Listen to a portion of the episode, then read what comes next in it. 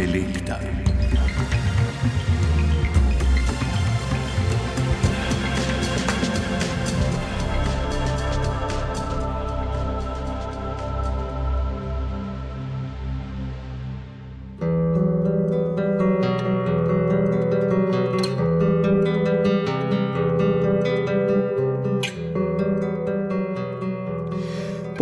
Hladne vojne se je ruska moč na mednarodnem odru precej zmanjšala.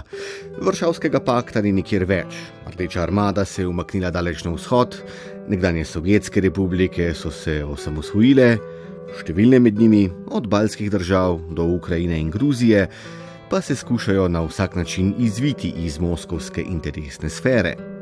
In če je bil še okoli leta 1980 obseg sovjetskega gospodarstva velik za tretjino ameriškega, je ruska ekonomija danes bistveno manjša, saj dosega, če jo ponovno primerjamo z Združenimi državami, le še slabo desetino ameriške. Pa vendar se zdi, da je strahu pred Rusijo na zahodu veliko, celo iz leta v leto več. Zakaj? Najbrž je najprej treba reči, da so ruske besede in poteze seveda še vedno podprte z jedrskimi konicami. Moskva v zadnjih 15 letih vodi tudi precej samozavestno mednarodno politiko in se ne pomišlja, kadar presodi, da mora varovati svoje ključne strateške interese, niti vojaško intervenirati, pa naj gre za Rusijo oziroma Južno Osetijo, za vzhodno Ukrajino ali za Sirijo.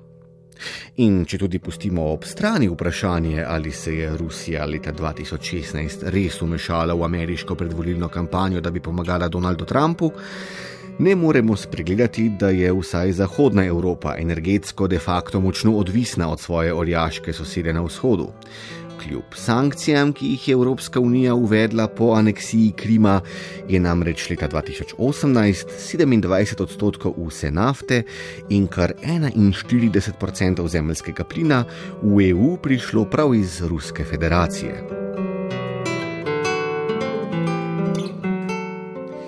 Realna geostrateška razmerja moči torej v pomembni meri botrujejo napetostim v odnosih med Rusijo in Zahodom. In vendar številni poznavalci pravijo, da v tem kontekstu ne smemo spregledati niti nekaterih kulturno-zgodovinskih dejavnikov. Gre namreč za to, da se ne ena, ne druga stran ne znata zares odločiti, ali Rusija pripada širokemu evropskemu kulturno-civilizacijskemu krogu ali pač predstavlja civilizacijo sui generis. Čeprav si evropske umetnosti in znanosti najbrž sploh ni mogoče predstavljati brez izjemnih posameznikov, kot sta pisatelja Dostojevski in Tolstoj, skladatelja Čajkovski in Šostakovič, filmska režiserja Eisenstein in Tarkovski ali znanstvenika Mendelejev in Koroljev, pa so rusko javno, politično in versko življenje ruski običaji, navade in vrednote ravno dovolj drugačni od tistih na zahodu stare celine, da se celo Rusi sami že zadnje po drugo stoletje sprašujejo, kam sodijo in kdo pravzaprav so: Evropejci, Azici ali Eurazici. In kar velja za Ruse, drži tudi za druge Evropejce. Tudi mi si namreč ne znamo odgovoriti, ali sploh razmišljamo v istih kategorijah kot Rusi in je torej pravo vzajemno razumevanje možno, ali pač ne. In prav tej kulturno-zgodovinski dimenziji, upisani v zapletene odnose med Rusijo in Zahodom, se bomo, spoštovane poslušalke in cenjeni poslušalci, posvetili v današnji intelektiko. Pred mikrofonom gostimo filozofa dr. Tineta Hribarja, zgodovinarja in teologa dr. Simona Malmenvala, rusista dr. Blaža Podlesnika in novinarja Miho Lambrehta. Če odpremo katerikoli geografski učbenik, se bomo tam poučili, da sicer 75 odstotkov ozemlja Ruske federacije leži vzhodno od Urala, v Aziji, da pa po drugi strani 75 odstotkov ruskega prebivalstva živi zahodno od Urala, v Evropi torej. Stališča zemljepisa je okrog vprašanja, ali je Rusija evropska država ali ne, potem takem mogoče zaznati nekaj nejasnosti, dvoumnosti. In kar velja že za geografijo, dvakrat toliko velja za kulturno zgodovino. Kot jedrnato pripominja naš nekdani moskovski dopisnik Miha Lamprecht.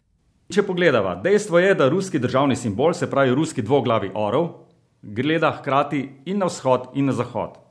In v tem smislu je Rusija hkrati evropska in azijska država, mešanica obojega, s temeljnim pravoslavjem, s pridihi ostalih konfesij, od islama do budizma in tako naprej stališču, da ruski orov pogleduje hkrati na vzhod in na zahod, v Evropo in Azijo, pritrjuje tudi rusist in predavatelj na oddelku za slavistiko Ljubljanske filozofske fakultete, dr. Blaž Podlesnik, ki je takole povzel srednjeveško zgodovino vzhodnoslovanskega prostora od ustanovitve tako imenovane Kijevske Rusije, najstarejše in brščas najpomembnejše vzhodnoslovanske državne tvorbe, do mongolskih invazij.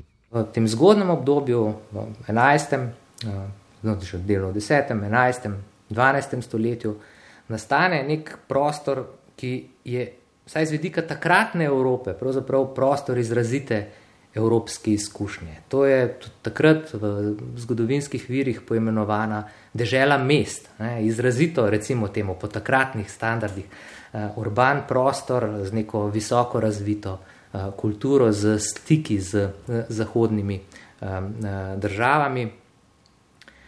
In to je bila, recimo, temu, ta njihova prva Evropa, ne, ki so jo v tem nadaljevanju v 13. in 14. stoletju, v smislu kulturnih stikov, uh, pa zamenjali neki drugi vplivi. To je pa ta njihov stik z tako imenovano tataro-mongolsko civilizacijo, ki je v Povožju oblikovala svojo državo in ki je za dve stoletji pravzaprav uh, si politično podredila ta prostor. Eh, in eh, nekateri zgodovinari trdijo, da je seveda ta, recimo, temu azijska kulturna komponenta, čeprav se je vse to skupaj dogajalo v geografskem smislu v evropskem prostoru, se pravi na tej strani Urala, bistveno um, zaznamovala rusko kulturo, zaznamovala veliko bolj, kot so Rusi sami sebi pripravljeni priznati v, recimo, temu lastnih premislikih o zgodovini in um, To je bila pa recimo ta, bomo rekli, temu kulturni premik Rusije v Azijo. To obdobje je pustilo ogromen pečat, predvsem na poslovni kulturi, na politični kulturi, neki predstavi o vlogi posameznika v nekih odnosih družbenih. Pri vsem tem pa moramo tudi upoštevati, Še dodaja dr. Podlesnik, da sta ob rojstvu Kijevske Rusije kot tipično evropske srednjeveške države pravzaprav asistirali dve precej različni babici porodničarki. Na eni strani nordijski vikingi oziroma varjagi, ki so slovanom dali prve vladarje, prvo aristokracijo, in na drugi strani krščanski Bizanc, ki je v slovanski prostor prinesel pravoslavje. In natanko iz te močno raznolike mešanice zgodnih kulturnih vplivov, po prepričanju dr. Simona Malmenvala, zgodovinarja in teologa, predavatelja na Ljubljanski teološki fakulteti in na fakulteti za pravo in poslovne vede pri Katoliškem inštitutu, izrašča ne mara ključna poteza ruske kulture oziroma kulturne zgodovine. Rusija je gotovo del evropske kulture vendar poseben del evropske kulture. Položaj Rusije v Evropi je podobno dvoumen ali ambivalenten, kot je že ruska kultura sama.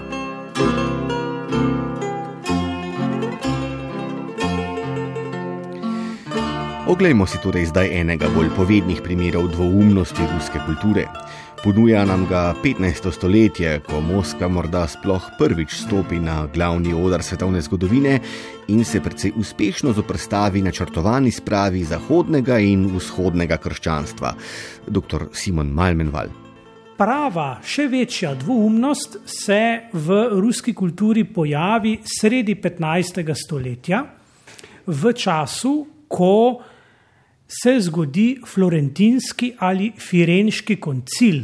Na tem koncilu se je zgodila uradna sprava, uradna in kratkotrajna zedinitev ali združitev med Konstantinoplom in Rimom, med Konstantinopelsko in Rimsko cerkvijo. V tem obdobju je moskovski veliki knez, nastopil proti bizantinski naklonjenosti do latinskega krščanstva, do rimskega papeža in je začel nastopati knes, eh, veliki knes, torej Moskovska Rusija, je začela nastopati v vlogi zaščitnika vseh pravoslavnih vernikov v takratnem svetu in v takratnem času. Češ Bizanc je izdal pravo vero, Rim je to storil že zdavnaj, že več stoletij predtem, Moskva oziroma Rusija pa je zdaj edina prava, edina resnična nosilka Kristusovega oznanila in njegove cerkve. V tem obdobju pa se nek drug del ruske kulture oziroma vzhodnoslovanskega poselitvenega območja odloči drugače. V tem obdobju Kijev kot drugo in v resnici prvotno središče vzhodnih Slovanov zauzame drugačno stališče. Zahodni del vzhodnoslovanskega poselitvenega območja je bil politično odvisen od polske in litovske države, ti dve državi pa ste bili uradno katoliški. In ta del, ta zahodno-ruski, če mu pogojno tako rečemo, zahodno-ruski del se odloči uprit unijatstva, se pravi v prid sprejetja zedinitvenega koncila v Firencah. Kasneje, v kasnejših desetletjih in stoletjih, pa se Kijev kot drugo središče ruske kulture premika oziroma nekje svojo zvestobo menjuje, menjuje strani. Včasih je zelo izrazito pravoslavno usmerjen, včasih pa prokatoliški oziroma prounijatski.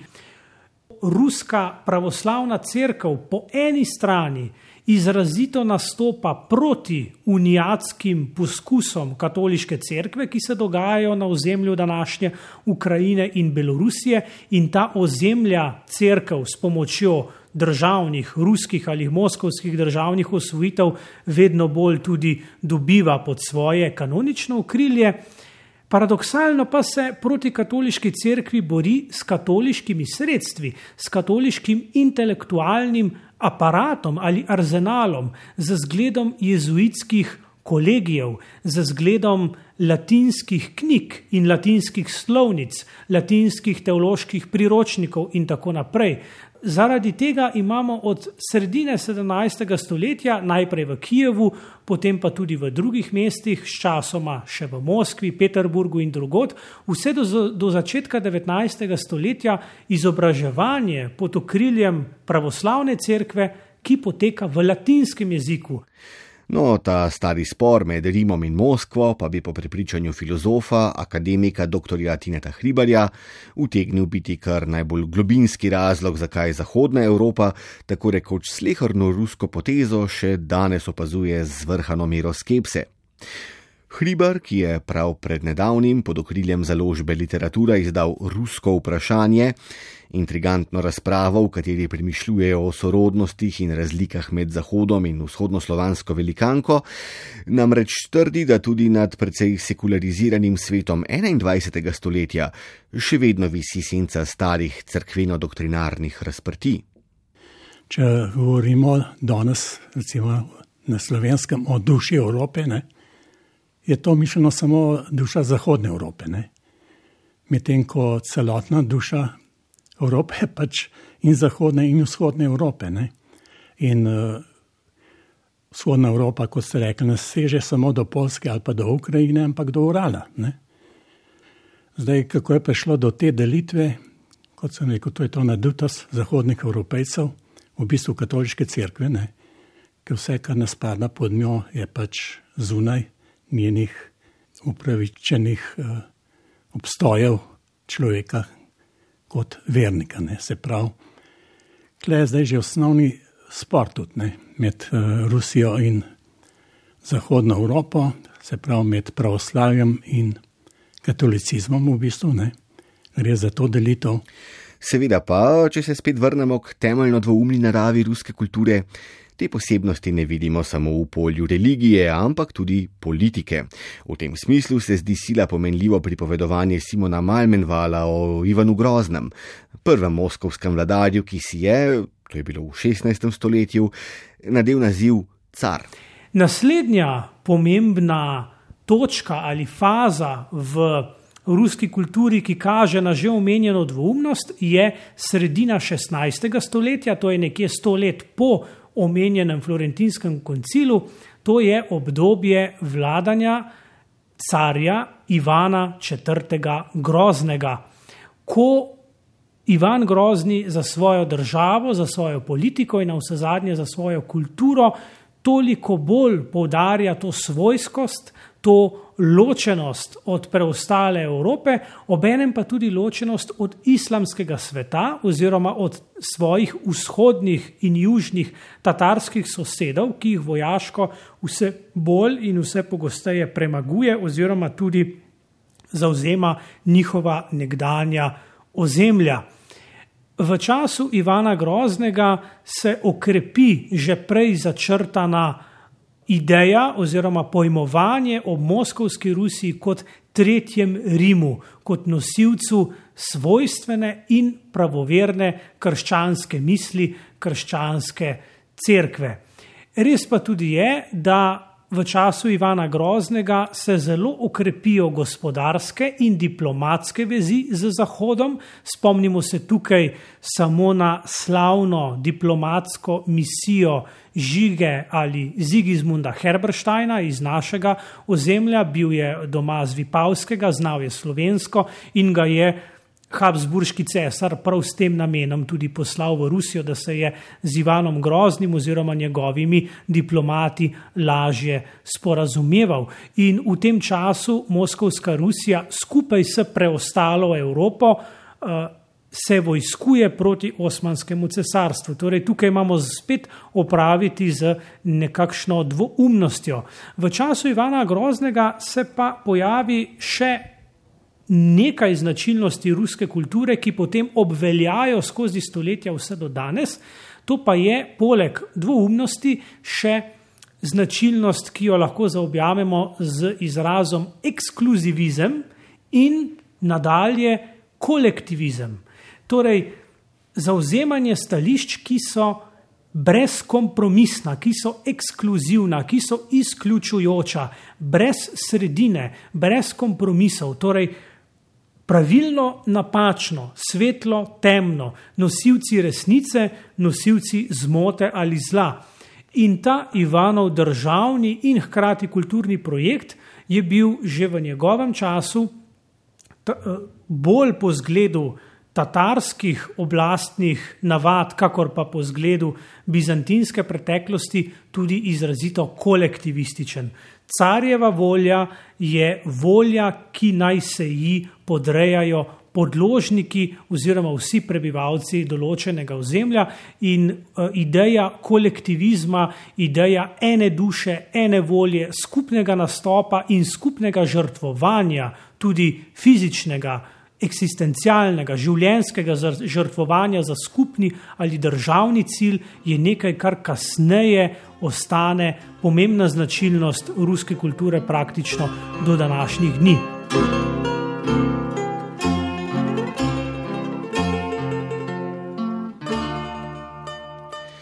Ko dr. Malmenval govori o vladarskem slogu Ivana Groznega, se je težko znebiti vtisa, da bolj kakor evropskega, pravzaprav opisuje nekakšnega azijskega vladarja in da bi torej moralo biti vsem jasno, da Rusija ne sodi za res v kontekst civilizacije stare celine.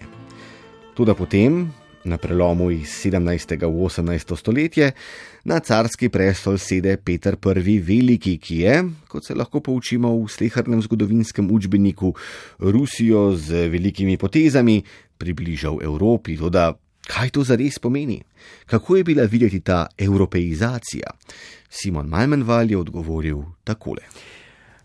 Daljnosežno naslonitev na Zahod, na to, kar v ožjem pomenu danes imenujemo Evropa, pa se v ruski kulturi uh, zgodi na začetku 18. stoletja v obdobju vladavine imperatorja Petra Velikega. Pomenljivo je že to, da on samega sebe imenuje imperator, ne car. Torej, vzame si vladarski naziv iz rimske zgodovine. Rim pa, kakor vemo, je simbol evropske kulture oziroma začetnik, izvor tistega, kar je kasneje obveljalo kot tipično zahodno ali evropsko. Peter Veliki se v gospodarskem in tehnološkem, pa tudi v pravnem smislu največ, najbolj zgleduje po nemškem svetu, po nemških in skandinavskih deželah. To pa so dežele, ki so hkrati v verskem in kulturnem pogledu protestantske. Petrova kulturna reforma, vključno z ukinitvijo Moskovskega patriarhata in postavitvijo nekakšnega ministrstva, to je instituta oberprokurorja ali oberprokuratorja, nadprokuratorja, kaže na to neposredno zgledovanje po protestantskih deželnih crkvah, da bi bila crkva podrejena državnemu aparatu, državni aparat pa naj bi po Petrovi želji, po njegovi zasnovi, deloval kot racionalni organizator celotnega življenja ruske družbe, od najnižjih do najvišjih slojev. Tu pa spet pri Petru najdemo to dvoumnost, že prej večkrat omenjeno, torej po eni strani zgledovanje po Zahodu, a hkrati to zgledovanje po Zahodu poteka zato, da bi Rusija postala močnejša, da bi ta Zahod nekako prehitela in ga premagala. Zahodne metode so uporabljene zato, da se Rusija vojaško, tehnološko, gospodarsko, pravno dvigne.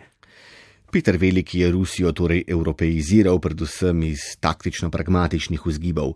Ne toliko zato, skratka, da bi bila njegova dežela Zahodnji Evropi bolj podobna, ampak raje zato, da bi z njo lažje in učinkoviteje tekmovala. K temu spoznanju pa velja dodati še uvid, ki ga ponuja dr. Blaž Podlesnik, ko pravi, da je Peter proces evropeizacije implementiral s prijemi, ki se nam danes ne zdijo prav, ja, evropski. Petr I., ne, ki ga mi imamo za človeka, pa za zgodovinsko osebnost, ki je evropeizirala Rusijo, je bil pravzaprav tisti, ki je popolnoma podredil ne samo preprosto prebivalstvo, ampak tudi plemstvo državi, ki je od slehrnega plemiča zahteval, da služi bodi se v vojaški ali pa v civilni uh, državni službi in jim je odrekel kakršno koli pravico in kakršno koli suverenost. Ne ta ideja absolutne oblasti, subordinacije, ki je seveda ideja eh, povezana s to eh, vzhodno izkušnjo, eh, je globoko upisana v to rusko, tako imenovano evropsko zgodbo. In ta problem, ki je seveda potem problem tudi ruske kulture, usmišljene 19. stoletja, 20. stoletja, vprašanje neke človekove suverenosti v odnosu do oblasti, ne, do, do države, To so vprašanja, ki jih pravzaprav Rusija ni, ki jim nikoli ni posvečala večje pozornosti, zaradi tega, ker so se v prvi plan postavljala recimo temu velika vprašanja mesijanizma Rusije, interesa imperija ali pa česar koli drugega. Kdo bi seveda lahko rekel, da je Petrovo upeljevanje pravnih, tehnoloških in kulturnih inovacij po evropskem zgledu v rusko življenje potekalo s pregovorno figo v žepu, a to ne pomeni, da niso Rusi, predvsem tisti najbolj izobraženi, postali zelo pozorni in pronicljivi opazovalci oziroma premišljevalci evropskih novosti. Še več, pod vplivom teh inovacij se je dejansko spreminjalo materialno in intelektualno življenje v Rusiji. Velika slovanska država je skratka v marsičem vendarle ponovno postajala bolj podobna svojim zahodnim sosedam in natanko zahvaljujoč tej drugi evropeizaciji vzhodnoslovanskega prostora če za prvo pač štejemo obdobje nastanka Kijevske države, so Rusi začeli razmišljati o samih sebi kot o čisto posebni civilizaciji, ki sicer je malo evropska, a ne povsem, ki sicer je malo azijska, a ne povsem. Tako se je, še pripoveduje Blaž Podlesnik, v 19. stoletju porodila ideja o Rusiji kot eurazijski civilizaciji. Medtem ko se sama ideja eurazijstva pojavlja, kot se običajno pojavljajo ideje, kot nek res kritični premislek, refleksija pravzaprav te ruske obsedenosti z Evropo, eh, in takrat eh, se na nek več pojavi kot poskus preosmisliti lastno zgodovinsko izkušnjo. Ko se je tako oblikovala ideja o posebni evrazijski civilizaciji, so si ruski intelektualci zadali nalogo odgovoriti na vprašanje, kako naj se taka civilizacija pravzaprav obnaša, kakšno naj bo njeno zgodovinsko poslanstvo. Po eni strani se je, razlaga Blaž Podlesnik, ta misel ponujala priročni uporabi pri utrjevanju najprej carskega, na to sovjetskega in danes tudi Putinovega projekta grajenja močne imperialne države. Drugo vprašanje je, kako se potem ta ideja uporablja in zlorablja v novem imperiju, ki je seveda potem postal nek imperij Sovjetske zveze, o tem imperiju, ki ga na nek način ali pa poskusom rekonstrukcije, katerega smo na nek način priča danes. Ne, tukaj se pa seveda eh, ta um, ideja specifične zgodovinske izkušnje uporablja tudi z nekimi čisto aktualnimi uh, družbeno-političnimi uh, cilji, ne, ko ne, Putin uh, na očitke o nedemokratičnosti, ki prihajajo z Zahoda, odgovarja z um, neko formulo, da, da Zahod nima primata na to, da bi definiral, kaj je to demokracija, da imajo oni pač nek poseben, specifičen tip um, ne, demokracije. Ne, to je nek način.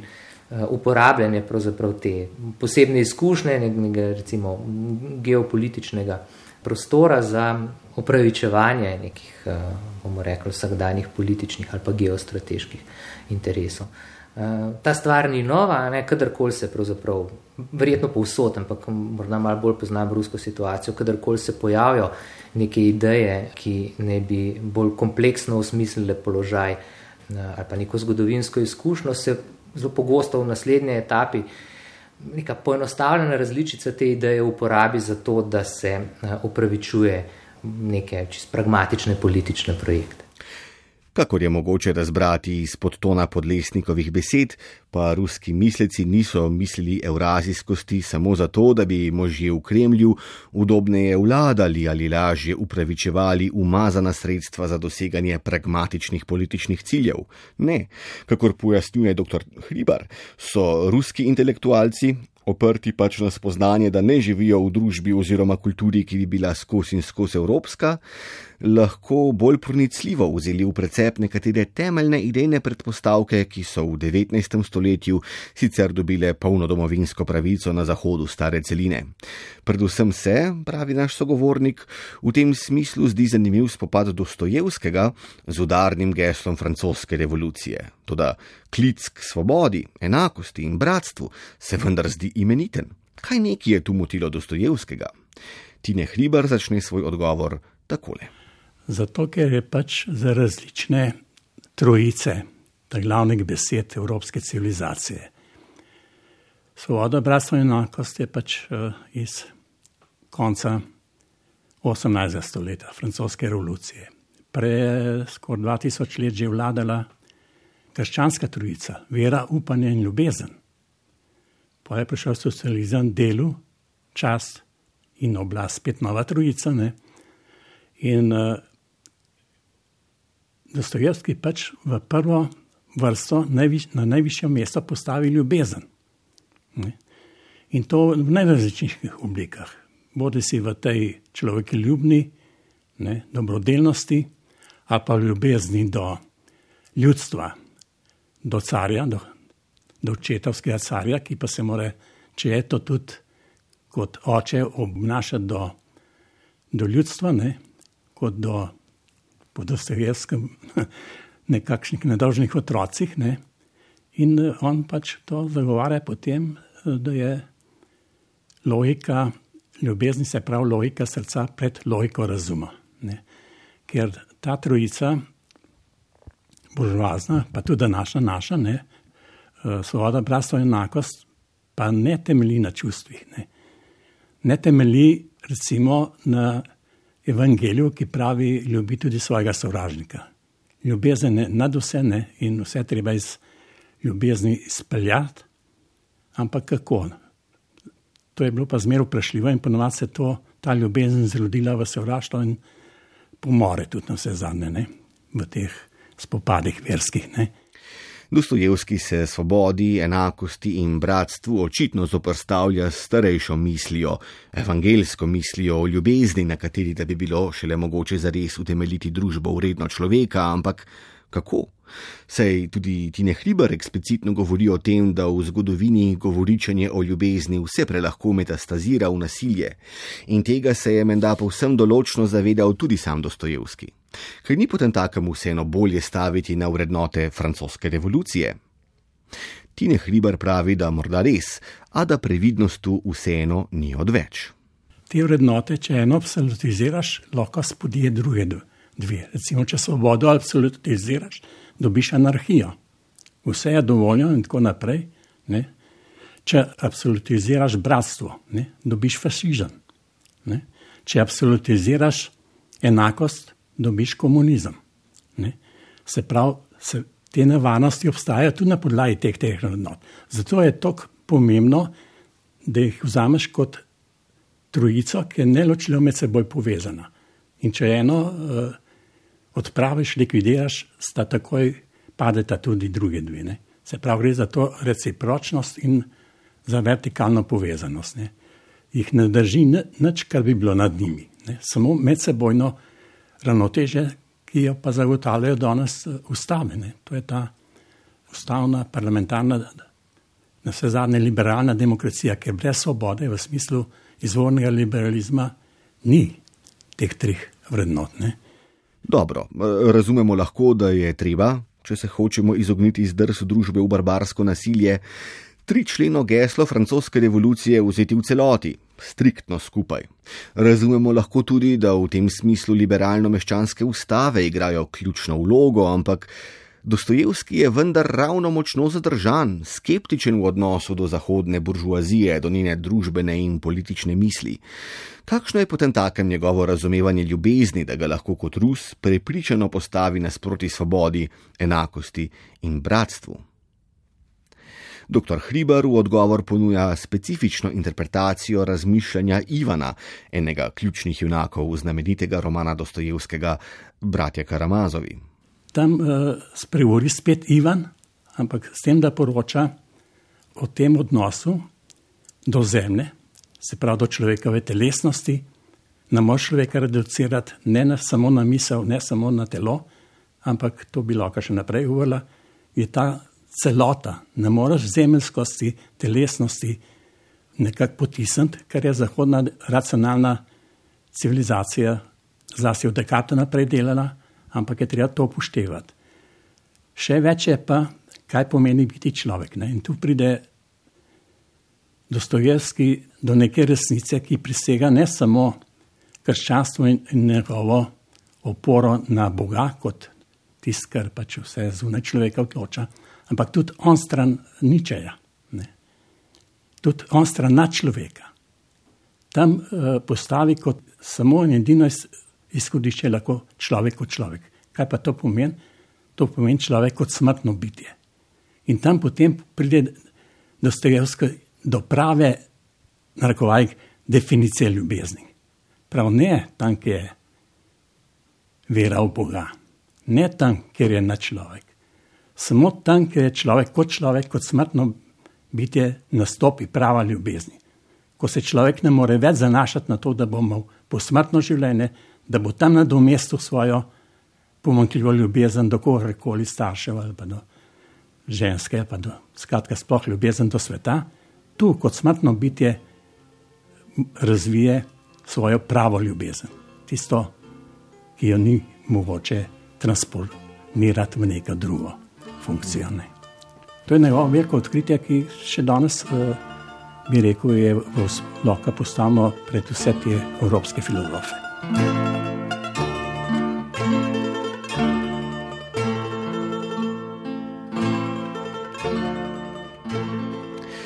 Tine Hriber pravi, da je misel Dostojevskega na neki način še vedno nepresežena. Seveda pa veliki romanopisec še zdaleč ni edini rus, ki nas intelektualno in emocionalno tako le draži, preizkuša in kaj pa da navdušuje. In če je tako, Če torej evropejci in američani samih sebe kratko malo ne moremo misliti brez ruskega prispevka v poljih umetnosti, filozofije in znanosti, tedaj se lahko vprašamo, ali je Rusija res tako zelo drugačna, kakor se nam včasih pač zdi. Blaž podlesnik ta paradoks, da nas namreč pripadniki kulture, ki jo včasih celo čisto zavestno hočemo videti kot radikalno drugačno, na vse zadnje nagovarjajo tako zelo od blizu, pojasnjuje takole. Vse nobene izkušnje ni brez drugega. Ne. Drugi je tisti, ki nam pravzaprav postavi neko ogledalo in nam odgovori na vprašanje, eh, kdo smo mi. Sej, Evropa ima pač v, v, v tem pogledu je en evropski partner Rusija, drugi je Orient v tem klasičnem konceptu orientalizma, neverjetno. Saj posamezne evropske države imajo še druge izkušnje glede na njihovo kolonialno preteklost. Ampak eh, eh, to vprašanje ne, o tem doprinosu ruske kulture v evropsko kulturno zakladnico je pravzaprav povezano s tem, da Rusija, ki po Petru I. praktično celo stoletje skuša posnemati Evropo in na nek način prenaša jezike, s katerimi se evropejci opisujejo sami sebe v ruski prostor, potem v 19. stoletju porodi neko plejado avtorjev, ki te jezike, evropske jezike, uporabijo za to, da bi poskušali opisati rusko stvarnost. Ta ruska stvarnost je seveda precej drugačna. Eh, pogojena je, kot sem rekel, z neko drugačno zgodovinsko izkušnjo in ko prenesete filozofske, sociološke, tudi literarne jezike, ki so se rodili iz izkušnje francoske revolucije, demokratičnih procesov, ki so potekali v, že dolg časa prej v Angliji. Ko to prenesete nek prostor, kjer imate čist drugačne, drugačne družbene odnose, se seveda zgodi nek uvid, ki v Evropi nikoli ni bil mogoč. Ki je uvid pravzaprav v neko rekel, in cel kup občih človeških problemov, ki seveda obstajajo tudi v Evropi, pa so na nek način pod temi jeziki bolj ali manj mirno pokriti in se z njimi ne soočamo. Zdaj smo v neki taki čisti obliki, pravzaprav v razgaljeni obliki, videli cel kup problemov, ki so seveda tudi naši problemi. Ampak zato, da smo jih lahko uzrli, je mogel na neko svojo stvarnost z našimi jeziki pogledati nekdo drug. In ta izkušnja od, recimo, temu od Puškina do uh, Dostojevskega v literaturi, uh, nekoliko poznejša v slikarstvu, uh, izkušnja v filmu, je pravzaprav res ta pogled drugega, ne, ki je tistim ljudem, ki so tudi v Evropi pripravljeni razmišljati o položaju človeka. Um, Seveda odprl oči tudi na neke zablode, ki jih mi živimo v Evropi, in na ta način seveda ključno obogatil premislek o človeku, sploh recimo vpliv teh avtorjev, ki so jih omenjala na neko samozave, evropsko samozavedanje v 20. stoletju, je, je ogromen. Ampak to je pač vloga, ki jo je ruska kultura odigrala, hkrati, ko je reflektirala sebe, je na nek način reflektirala tudi nas in s tem seveda pustila nek neizbrisljiv pečat oziroma sled v evropski kulturi. Kaj vse to pomeni, da moramo na vse zadnje ugotoviti, da je vsem toliko krat počrtanim razlikam na vkljub Rusija vendarle integralni del evropske oziroma zahodne civilizacije? Dr. Podlesnik odgovarja takole. Mislim, da je to vprašanje sploh, da odgovarjati na to vprašanje je pravzaprav nesmiselno. Ali je Rusija, ali je ruska kultura del Evrope, ali gre za neko, recimo, temu, evrazijski, evrazijski hibrid. Zaradi tega, ker je odgovor na to vprašanje odvisen od tega, kako boste definirali Evropo, kaj bodo neke azijske komponente. Ampak v teh nekih običajnih kategorijah se mi zdi, da je bogatstvo ruske kulture prav v tem, da ne nehno reflektira to svoje majno stanje. Da je seveda veliko bolj evropska kot bi si občasno uh, želela priznati, ampak da hkrati ni povsem evropska. E, in to je tisto, kar jo seveda dela zanimivo, kar jo dela produktivno.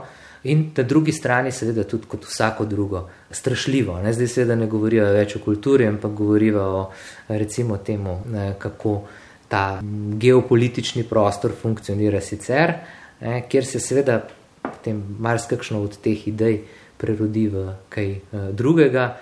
in uh, zlorabi v, kako bomo rekli, temu lahko mirno rečemo, nekulturne namene. Ne. Iz vsega povedanega bi bilo mogoče sklepati, da je Rusija nekakšen kulturno-civilizacijski hibrid, dvoživka in da je v tem smislu pravzaprav nenavadno podobna Združenim državam. Kako Rusija je namreč tudi Amerika, zelo podobna Evropi. Tudi Amerika obilo zajema iz evropske kulture in tradicije, a vprašajte katerega koli evropejca in povedal vam bo, da so američani po 250 letih samostojnosti vendarle že precej drugačni. Je pa tu hitro vidna tudi pomembna razlika. Zdi se namreč, da ameriška bližnja drugačnost evropejce vendarle redkeje navdaja s tesnobo, kakor pa to velja za ruski primer. Kako si to razložiti? Dr. Simon Malmenval meni, da nelagodje, ki ga v odnosu do Rusije čutijo številni prebivalci Zahodnje in Srednje Evrope, izhaja iz treh dejavnikov. Rusija je prevelika, da bi jo ignorirali, oziroma da bi se je ne bali. Obenem pa je dovolj šipka, in dovolj posebna, da lahko njo obtožujemo tega ali onega. Rusija nikoli v zgodovini ni bila najmočnejša država sveta, tudi v obdobju hladne vojne, ko je konkurirala Združenim državam Amerike, je v gospodarskem in v demografskem pogledu bila za Združenimi državami Amerike. Rusija nikoli pravzaprav ni bila prva, bila pa je vedno močna oziroma vedno vredna upoštevanja. Tu gre tudi iskati razlog, da zaradi svojega posebnega položaja in eh, posebnega zgodovinskega razvoja Rusija ni takšna Evropa, kakor je evropska preostala Evropa. Rusija je del evropske kulture, vendar, kakor smo že spoznali, je to nekoliko drugačna Evropa. In pravzaprav Evropa v Rusiji vidi samo sebe v zrcalu, v neki obratni zrcalni sliki.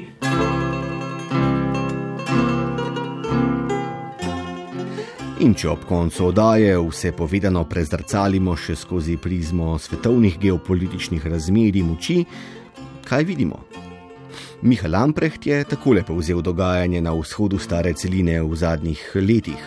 Dogajanje, ki se zlahka upisuje v širši, skozi stoletja vzpostavljen odnos nelagodja do Rusije. Putin je na oblasti že mečkan več kot dve desetletji. Seveda se pa moramo vprašati, kdo je Putin. On je sicer spreten politik, je tudi luciden politik, ki pa se nikoli ni mogel posloviti od svojega profesionalnega porekla je namreč agent KGB-ja, se pravi službe državne varnosti, ki je svojo kariero pred razpadom Sovjetske zveze preživel v Dreznu. Jelcin ga je izbral kot naslednika, še prej pa je ta moral zagotoviti, da bivšega predsednika in njegovih najbližjih, tudi družinskih članov, nikoli ne bodo kazensko preganjali. In zdaj kleče pa po moje o tem, da se je Putin obdal s krogom tako imenovanih silovikov, to je s predstavniki represivnih organov, njegova stranka Enotna Rusija pa je v bistvu partija, po načinu delovanja podobna bivši komunistični partiji, ki poskuša delovati tudi v obeh domovih Ruske dume. Več strankarstva v pravem pomenu v Rusiji ni, prav tako ni svobodnih medijev in tudi z opozicijo je Putinova stranka in on sam obračunala tako, da so jih bodi si zaprli ali so pobegnili na tuje ali pa so jih fizično uničili. Ne Putin osebno, seveda, njegove službe. Ruska zonanja politika pa kljub temu ostaja polivalentna, je hkrati pragmatična in jaz mislim, da tudi profesionalna. Je praktično povsod, je na Bližnjem vzhodu, je zlasti v Siriji, v Libiji, je v državah bivšega posovjetskega prostranstva in kot vidimo, seveda je Rusija upletena tudi v spopadu na vzhodu Ukrajine. Zdaj pa tudi vojaško, gospodarsko in pa politično podpira beloruski režim zadnjega avtokrata v Evropi, Lukašenka. Zaradi zasedbe polotoka Krim si je Rusija prislužila zahodne sankcije, mednarodne sankcije, zdaj zaradi zatirane demokracije in pa opozicije, enako tudi Belorusija, njena zaveznica. In to je ta, po moje, realno okvir tega strahu, ki poskuša razjasniti neko globalno nezaupanje do Rusije. Na te sankcije, na ta trenje z Zahodom, v Moskvi odgovarjajo tako, da krepijo vezi s Kitajsko. Zato se seveda lahko vprašamo, ali v Washingtonu in evropskih prestolnicah res ravnajo preudarno, ko zaostrujejo odnose z Rusijo in jo tako pehajo v vedno tesnejši objem s Pekingom. Vprašanje se zdi toliko bolj pertinentno, ker vse pogosteje slišimo, da bo to stoletje zaznamovalo veliko rivalstvo med Združenimi državami in Kitajsko za svetovno prevlado. Je z zahodnega vidika potem takem res pametno, da v takih okoliščinah Kitajski olajšujemo poglabljanje vezi s potencialno zelo močno zaveznico? Sploh pa, kako trdno je to rusko-kitajsko zavezništvo? Miha Lamprecht. Veste, nekateri pravijo, da se hladna vojna sploh ni končala, da se samo manifestira na nekak drugačen način. Ne? V spredju ameriške politike danes seveda ni Rusija, pač pa Kitajska, Peking. In odnosi v tem trikotniku, Washington, Peking, Moskva, pa seveda nikakor niso enoznačni in predvidljivi. Ampak tukaj bi pa poskušal odgovoriti na to vaše vprašanje, da bolj ko Zahod pritiska na Moskvo, bolj bo ta krepila odnose s Kitajsko. To je domneva in to se tudi dogaja. En posredni dokaz za to trditev je tudi dejstvo, da se na severnem delu osrednje Kitajske končujejo velike rusko-kitajske vojaške vaje, kjer zanimivo, ne, Tudi ruski vojaki preizkušajo kitajsko orožje. In sporočilo Washingtona je zelo jasno. Naj namreč v boju za prevlado na svetu ne računa ali pa poskuša igrati na karto rusko-kitajskih nesoglasij. Razlogov za nezaupanje do Rusije ne manjka. Nekateri so dnevno politične narave in so stari nekaj let, spet drugi so, kot smo videli, kulturno-civilizacijski in so stari stoletja. Razlike so gotovo otipljive, a vendar če samo pomislimo na mesto, ki ga ruski umetnost in znanost že zauzemata v življenju Zahoda, nikakor ne nepremostljive. Glede na globalno ekološko krizo, pa tudi glede na porajajočo se novo hladno vojno med Zahodom in Kitajsko, upajmo, da bo res samo hladna, bi ne mara ne bilo slabo, ko bi Zahod in Rusija našla jezik, v katerem bi se bolj konstruktivno, z več vzajemnega razumevanja lahko naposled pogovarjala.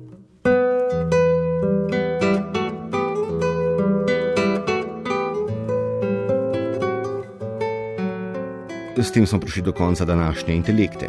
Gostje pred mikrofonom so bili dr. Tine Hribar, Miha Lamprecht, dr. Simon Malmenval in dr. Blaž Podlesnik. Odajo, ki lahko prisluhnete tudi v podkastu ali jo poiščete na spletni strani prvega programa, sem pripravil in vodil Goran Dekliva, glasbeno jo je opremil Rudi Pančur, zvočno pa jo je oblikoval Vladimir Jovanovič.